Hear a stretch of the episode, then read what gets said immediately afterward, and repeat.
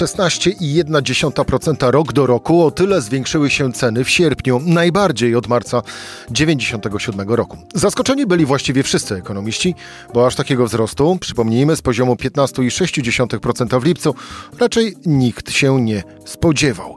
Najbardziej jednak zaskoczeni są ci, którzy uwierzyli politykom obozu władzy, ci bowiem przekonywali, że aż tak źle nie będzie. Czy będzie jeszcze gorzej?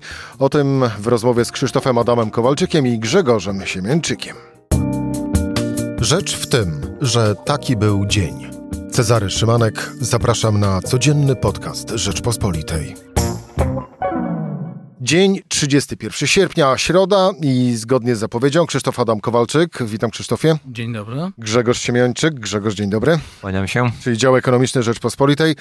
Zacznę od y, wątku prognostycznego. No bo 15,6% inflacja w lipcu. No i spośród 22 analityków i zespołów analitycznych ankietowanych przez Rzeczpospolitą, najwięksi pesymiści zakładali, że inflacja przyspieszy do 15,7%. Tymczasem przyspieszyła do 16,1%. Grzegorz, e, no jak to wierzyć ekonomistom?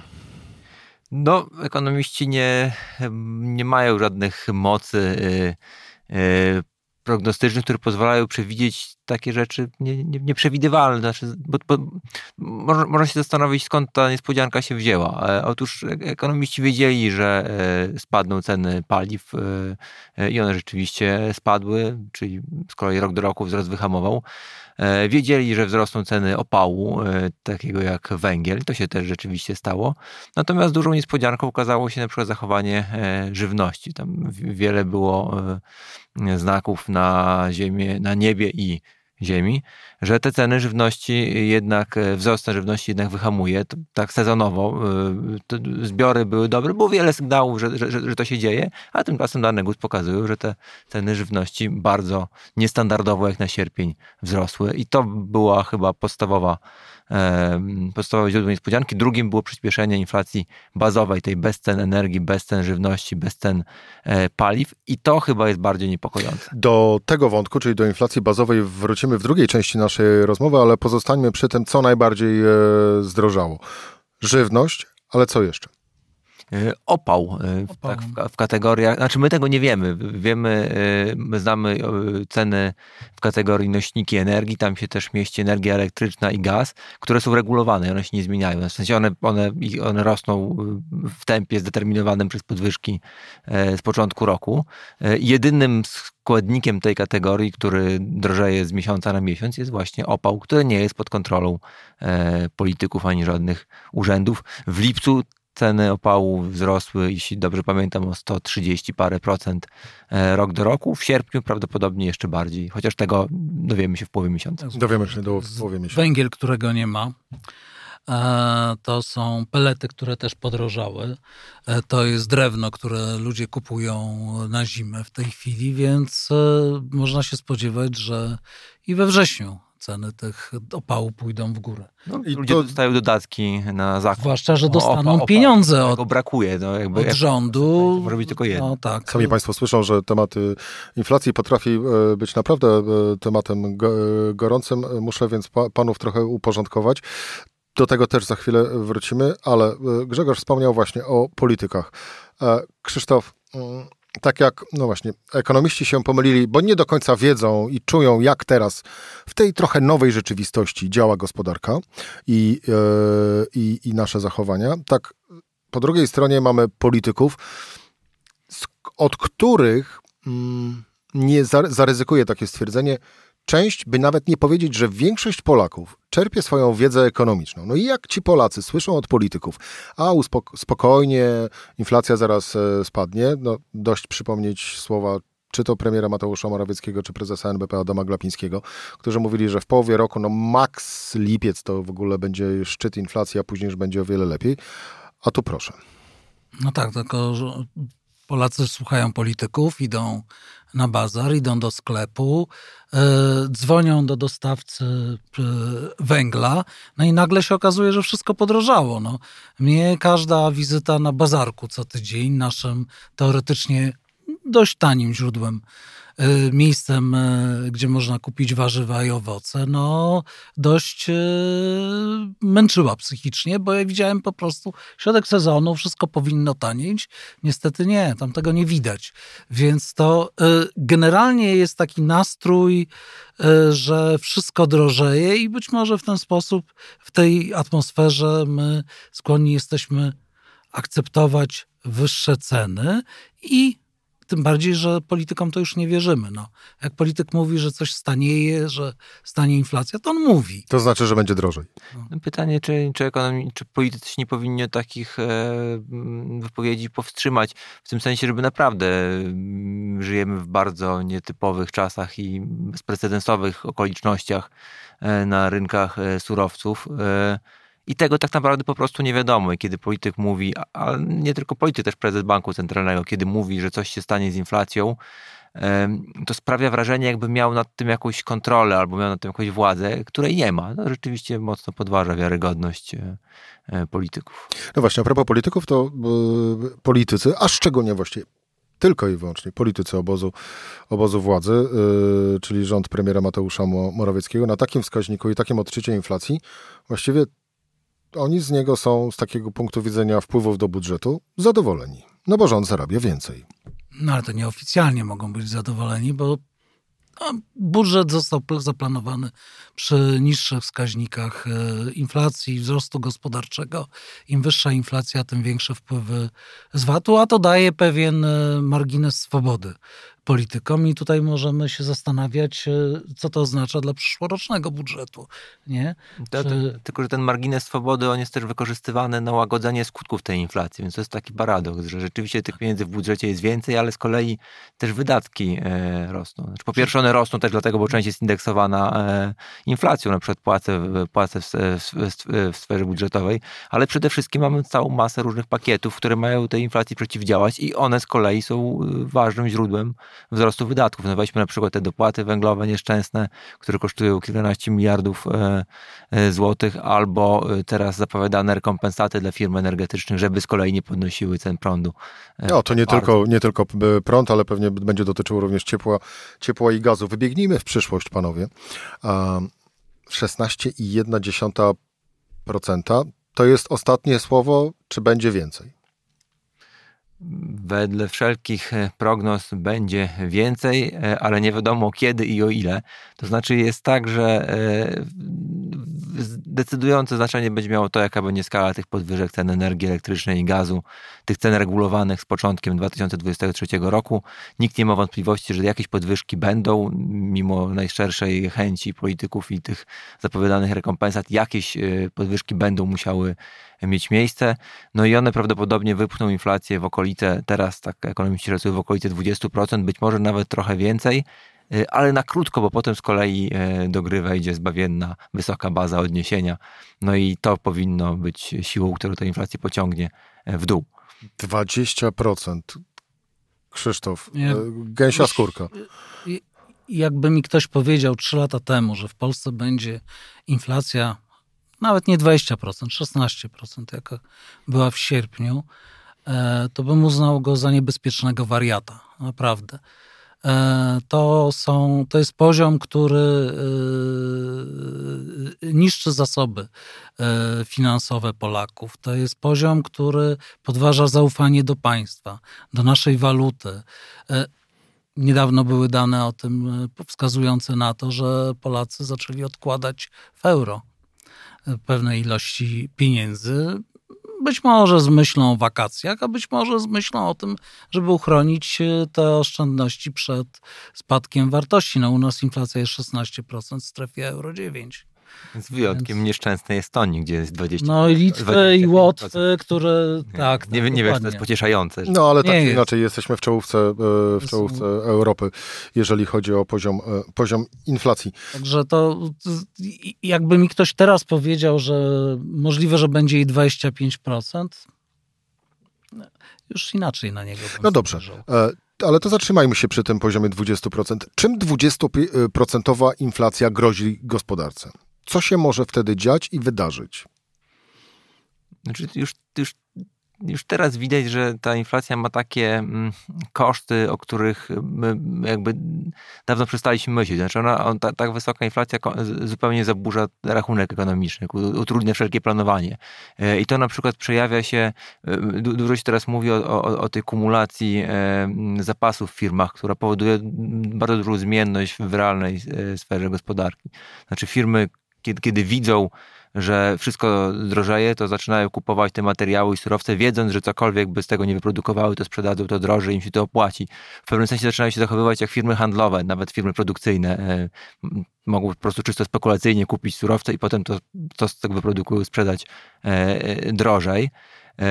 No i w pewnym, w pewnym momencie to może doprowadzić do sytuacji, kiedy tych zapasów będzie na przykład za dużo, popyt się schłodzi no i mm, efektem będzie dosyć nieprzyjemne załamanie bieżącej produkcji, e, bo wszystko będzie pokrywane z tych skumulowanych zapasów. Tak, tak. No to, groźba, to jest taka jedna z Ta groźba, ta groźba rośnie. Ta groźba rośnie, ponieważ no, generalnie e, spowolnienie gospodarcze ze względu na kryzys ekonomiczny dotyka Europę. Dotknie, dotyka nas z kolei, dotyka dodatkowo E, wzrost cen, który zmniejsza siłę nabywczą Polaków. W związku z tym chęć do robienia zakupów, już zresztą z danych, które e, Grzesiek całkiem niedawno przedstawiał, e, wynika, że chęć do robienia dużych zakupów dóbr trwałego użytku zmalała.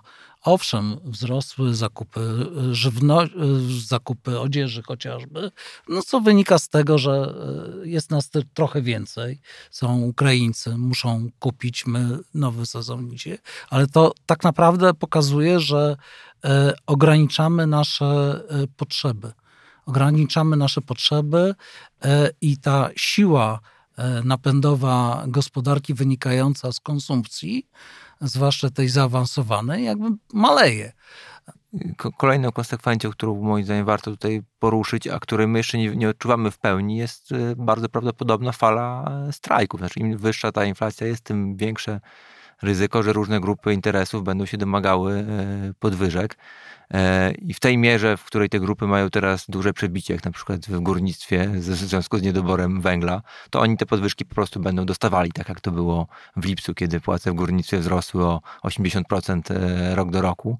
E, no a w innych branżach, jak na przykład szkolnictwo, pewnie nie będą i konsekwencją będą właśnie jakieś ewentualne strajki albo e, masowe odchodzenie nauczycieli do innych zawodów. No, jeżeli młody nauczyciel po, po studiach dostaje minimalną pensję, no to po co się starać? Lepiej poszukać bardziej, lepiej płatnego, lepiej płatnego zawodu. Jakie konsekwencje to ma w długim terminie? No to wszyscy dobrze wiemy. Nie? To jest podcast e, Rzecz w tym. E, subskrypcję Dziennika Rzeczpospolita z kolei można wykupić na stronie czytaj.rp.pl. Dzięki temu nas słychać, ale również dzięki temu można czytać właśnie analizy e, Grzegorza, który dziś jest moim gościem. Panowie, no to teraz w takim razie przejdźmy, ja właściwie wróćmy do owej inflacji, mm, inflacji bazowej, czyli inflacji, tłumacząc, nieobejmującej cen energii i żywności, czyli mówiącej nam o wiele więcej, co tak naprawdę dzieje się z tym wzrostem e, cen.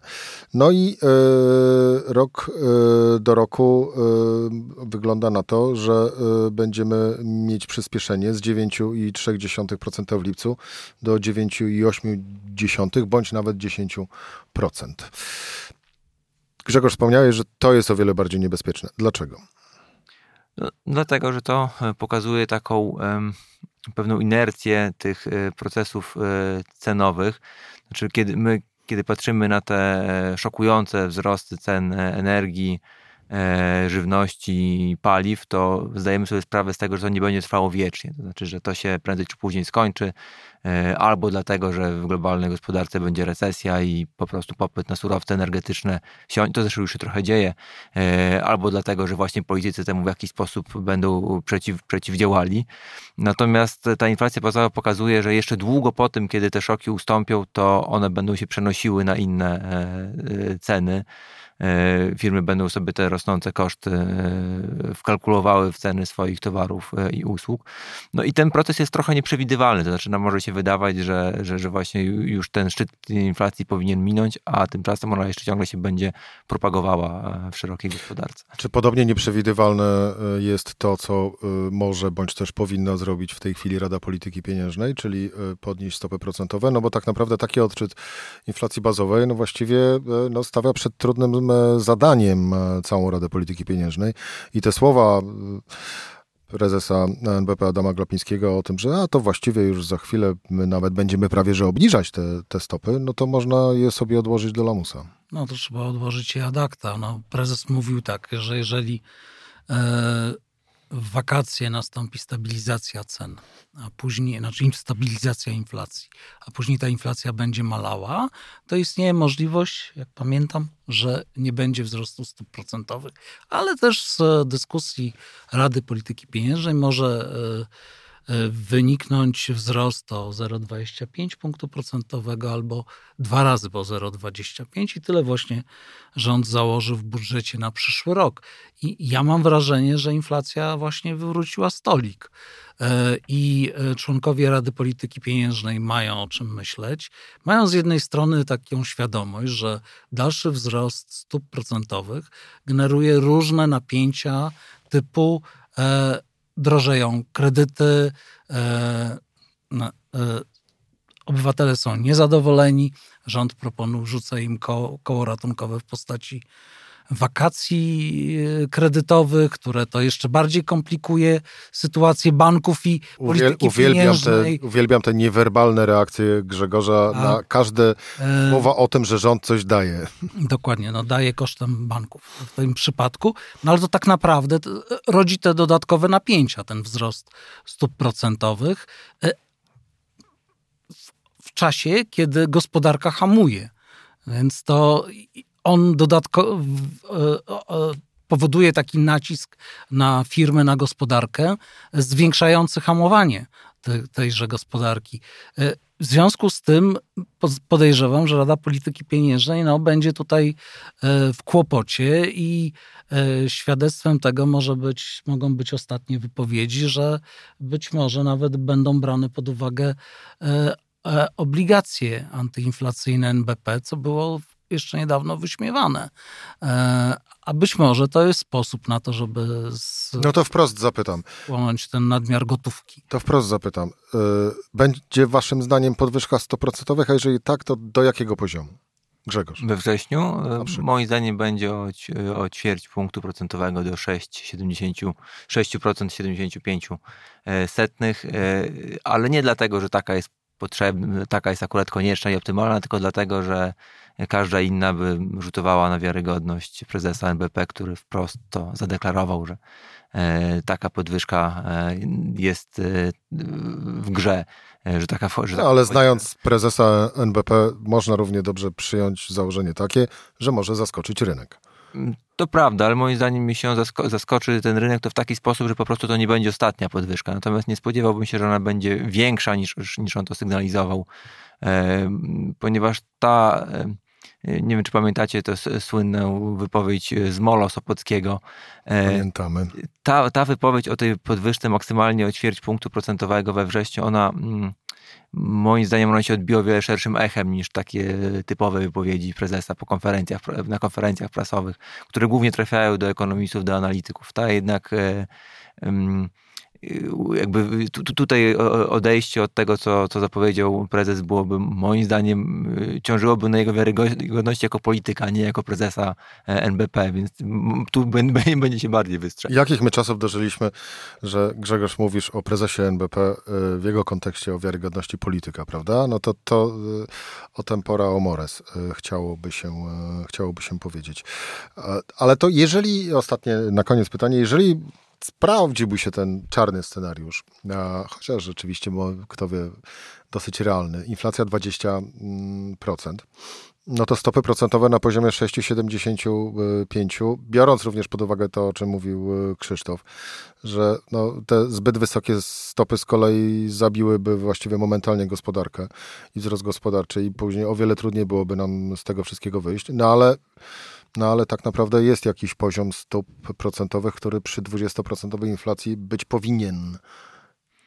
Spra sprawa, sprawa, sprawa jest e, e, skomplikowana, tak bo tradycyjnie banki centralne powinny patrzeć na inflację w przyszłości, a nie na obecną inflację. Znaczy te decyzje, te podwyżki stóp e, bezprecedensowe, które trwały od października ubiegłego roku, one zaczną działać. One tak naprawdę jeszcze nie zaczęły działać. One zaczną działać za kilka miesięcy i każdą kolejną e, podwyżkę bank centralny powinien podejmować na podstawie oczekiwań, jaka będzie ta inflacja za rok e, albo za półtora roku. I ona wtedy niemal na pewno, w świetle tego, co obecnie wiemy, będzie niższa niż teraz.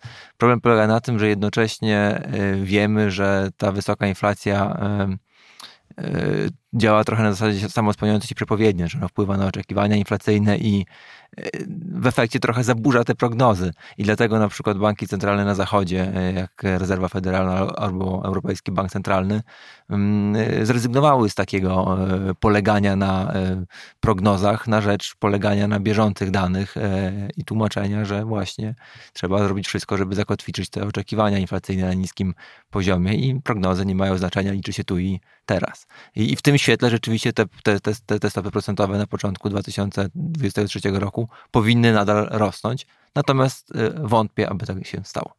A gdybyśmy właśnie przyjęli założenie tu i teraz, to wtedy stopy procentowe y, powinny być y, na poziomie? No w przeszłości były na poziomie inflacja plus coś tam. Plus coś tam. I to było oczywiście krytykowane przez obecnych członków Rady Polityki Pieniężnej też przez wielu ekonomistów, że jest nazbyt, było to nazbyt restrykcyjne. Nie? E, że teraz wystarczy niższy stóp, poziom stóp. E, ja, szczerze mówiąc, ja wątpię i być może te dzisiejsze wypowiedzi dotyczące tego, że może potrzebny jest jakiś nowy, nowy instrument do łagodzenia inflacji, chociażby w postaci tych e, obligacji NBP przyzwoicie oprocentowanych w stosunku do inflacji, może odzwierciedlają to, tę, tę, tę rozterkę e, ludzi, którzy trzymają stery gospodarki monetarnej w Polsce. Tak czy inaczej, lepiej nie będzie. Ja bym dodał, że niestety ten pomysł z tymi obligacjami antyinflacyjnymi, on jest trochę e, po nie w czasie e, rozważany, dlatego że to, co on miałby spowodować, to znaczy spadek ilości płynnego pieniądza w gospodarce, to się dzieje niezależnie od tego. To znaczy ten ilość to płynnego prawda. pieniądza w gospodarce i tak, i tak maleje. To... Należało tak naprawdę rozważyć na wiosnę. E, wtedy, kiedy e, mieliśmy jeszcze inflację w okolicach 10, 11, 12%. Tak, tak. tak naprawdę i to był wtedy rzeczywiście idealny moment. Krzysztof Adam Kowalczyk, dziękuję. Grzegorz Siemiańczyk, dziękuję. Dziękujemy. Bardzo ładnie panowie powie powiedzieli. To była rzecz w tym e, w środę. A kolejny odcinek e, jutro, czyli e, w czwartek. Polecam oczywiście ocenianie i komentowanie w Apple Podcast i Spotify. To nam dużo mówi o tym, co Państwa emocjonuje. Do usłyszenia jutro.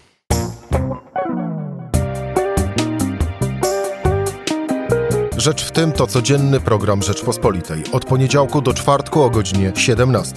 Słuchaj na stronie podcasty.rp.pl. Włącz Rzecz w tym w serwisie streamingowym.